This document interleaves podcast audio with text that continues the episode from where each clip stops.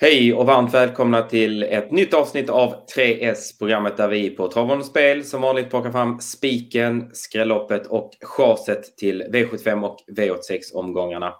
Den här gången är det V75 som väntar. Vi kliver in i december månad och eh, ja, vad innebär det Fredrik Lindman? Ja, det innebär ju skotfånget då, som träder i kraft 1 december. Eh, och eh, i år är det faktiskt eh, ganska bra, för vintern har ju kommit. Eh, I alla fall här i Mellansverige där, där Solvalla ligger och ska köra tävlingar. Mm. Så att eh, tänk på det alla ni som ska spela att man måste tävla med skor. Det är det viktigaste att veta. Annars är det ju Solvalla som har hand om tävlingarna och den banan känner vi till. Det är inga konstigheter vad gäller upplopp eller annat. Eh, ska vi köra igång? Ja, jag kan puffa också bara för live-rapporteringen som vi kör på lördagar här nu. Nu när det börjar bli vinter och svåra förhållanden. Man vet ju, även fast det är skor så vet man inte om det krävs brodd eller inte. Eh, det kan också vara en stor skillnad för många hästar. Så att extra viktigt att följa eh, fram till spelstopp. Då. Vi har ju vår live-rapportering på travbanenspel.se som vi kör eh, ett, ja, eh, från ett på lördagar hela vägen fram till spelstopp. Där. Så att följ den och, och få den här viktiga informationen kring balanser och sånt. Kanon, bra att du sa det. Mm -hmm. Men då kör vi igång. Då börjar vi. Vi börjar som vanligt med spiken. Spiken börjar vi med och eh, vi ska väl erkänna, vi hade lite svårigheter att hitta en riktigt bra spik, men eh, vart landade vi? Ja, det var svårspikat. Eh, favoriterna i de flesta loppen här och, och våra tipsetter. Det, det, finns liksom lite minus på alla hästar. Någon har liksom haft lite sjuka hästar i stallet och det är galopprisker på någon. Och, Eh, lite comeback på någon och så här tveksam form. Så det har varit svårt att hitta spiken. Men eh, till slut så landar vi i V757 nummer tre, Brady. Mm. Och hur eh, går våra tankar där? Hur ska han vinna loppet? Ja, men framför allt som var inne på så fanns det osäkerheter kring många av de mest betrodda. Medan på nummer tre, Brady här som eh, kommer från Håkan K Perssons stall. Eh, Håkan K som visar fin form i lördags där. Eh, vann ju då eh, med eh, Four Stream där tillsammans med Stefan också som kör igen här. Eh, men Brave DR har fått ett lopp i kroppen, gick bra i skymundan då. Eh, går alltid med skor runt om.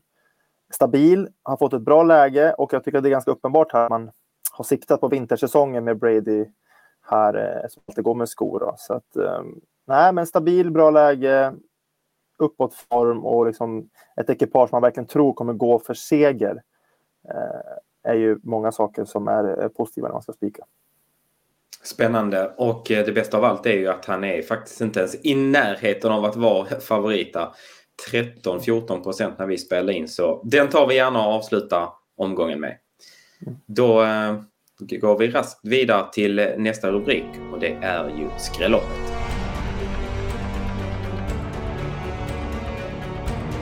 Ja, vi sa det innan. Det var en, svår omgång och det var nästan lättare att hitta skrällopp än eh, spikar. Men eh, vilket, eh, eller vilken avdelning var det som till slut hamnade under rubriken skrällopp? Ja, det blev V756 här som blev skrälloppet. Silverdivisionen, flera väldigt bra hästar. Eh, med hög kapacitet gör ju att många också potentiella vinnare som vi ser det. Och lite eh, frågetecken kring favoriterna som jag pratade om innan gör ju att det känns öppet. Eh, och många väldigt bra silverhästar i det här loppet. Så att, ja, det är många här vi ser kan vinna loppet. Ska vi bjuda på någon eh, låg procent där man inte får missa? Eh, absolut. Eh, nummer ett, Maverick Dream, eh, tycker jag man ska passa.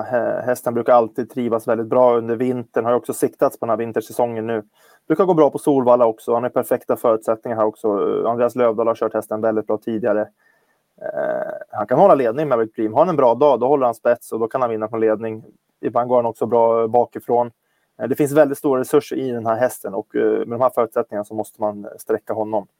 Eh, så att, att han är 2-3 procent i nuläget tackar vi såklart väldigt mycket för. Mm, det säger som med spiken. Den tar vi gärna. Då, då um, går vi vidare till den sista rubriken och det är ju omgångens chas.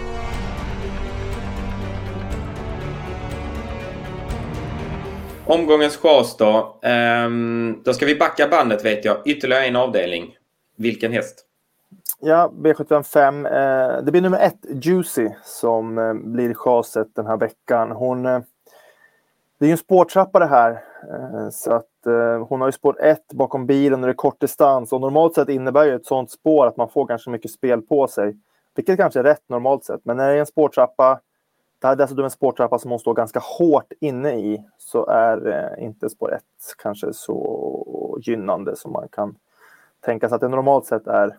Eh, dessutom ligger man lite lågt från stallet och det är skor runt om ett minus. Så att, nej, eh, nummer ett Juicy V755 är alldeles för mycket spelad. Mm. Det var väl annars ett öppet lopp men vi kan väl avslöja att vi inte kommer att betala för ett Juicy helt enkelt. Då ska vi sammanfatta det så här. Vi hittar omgångens spik i V75 7 i häst nummer 3 Brady DE. Sen har vi eh, skrälloppet. Då backar vi bandet till V75 6 och eh, slår gärna ett extra slag för ett Maverick Dream. Omgångens eh, chas hittar vi sedan i V75 5 där vi inte kommer att betala för ett Juicy. Tack alla ni som hängt på denna vecka och eh, återigen påminner vi om live-rapporteringen som börjar, på, eh, som börjar 13.00 på travonenspel.se.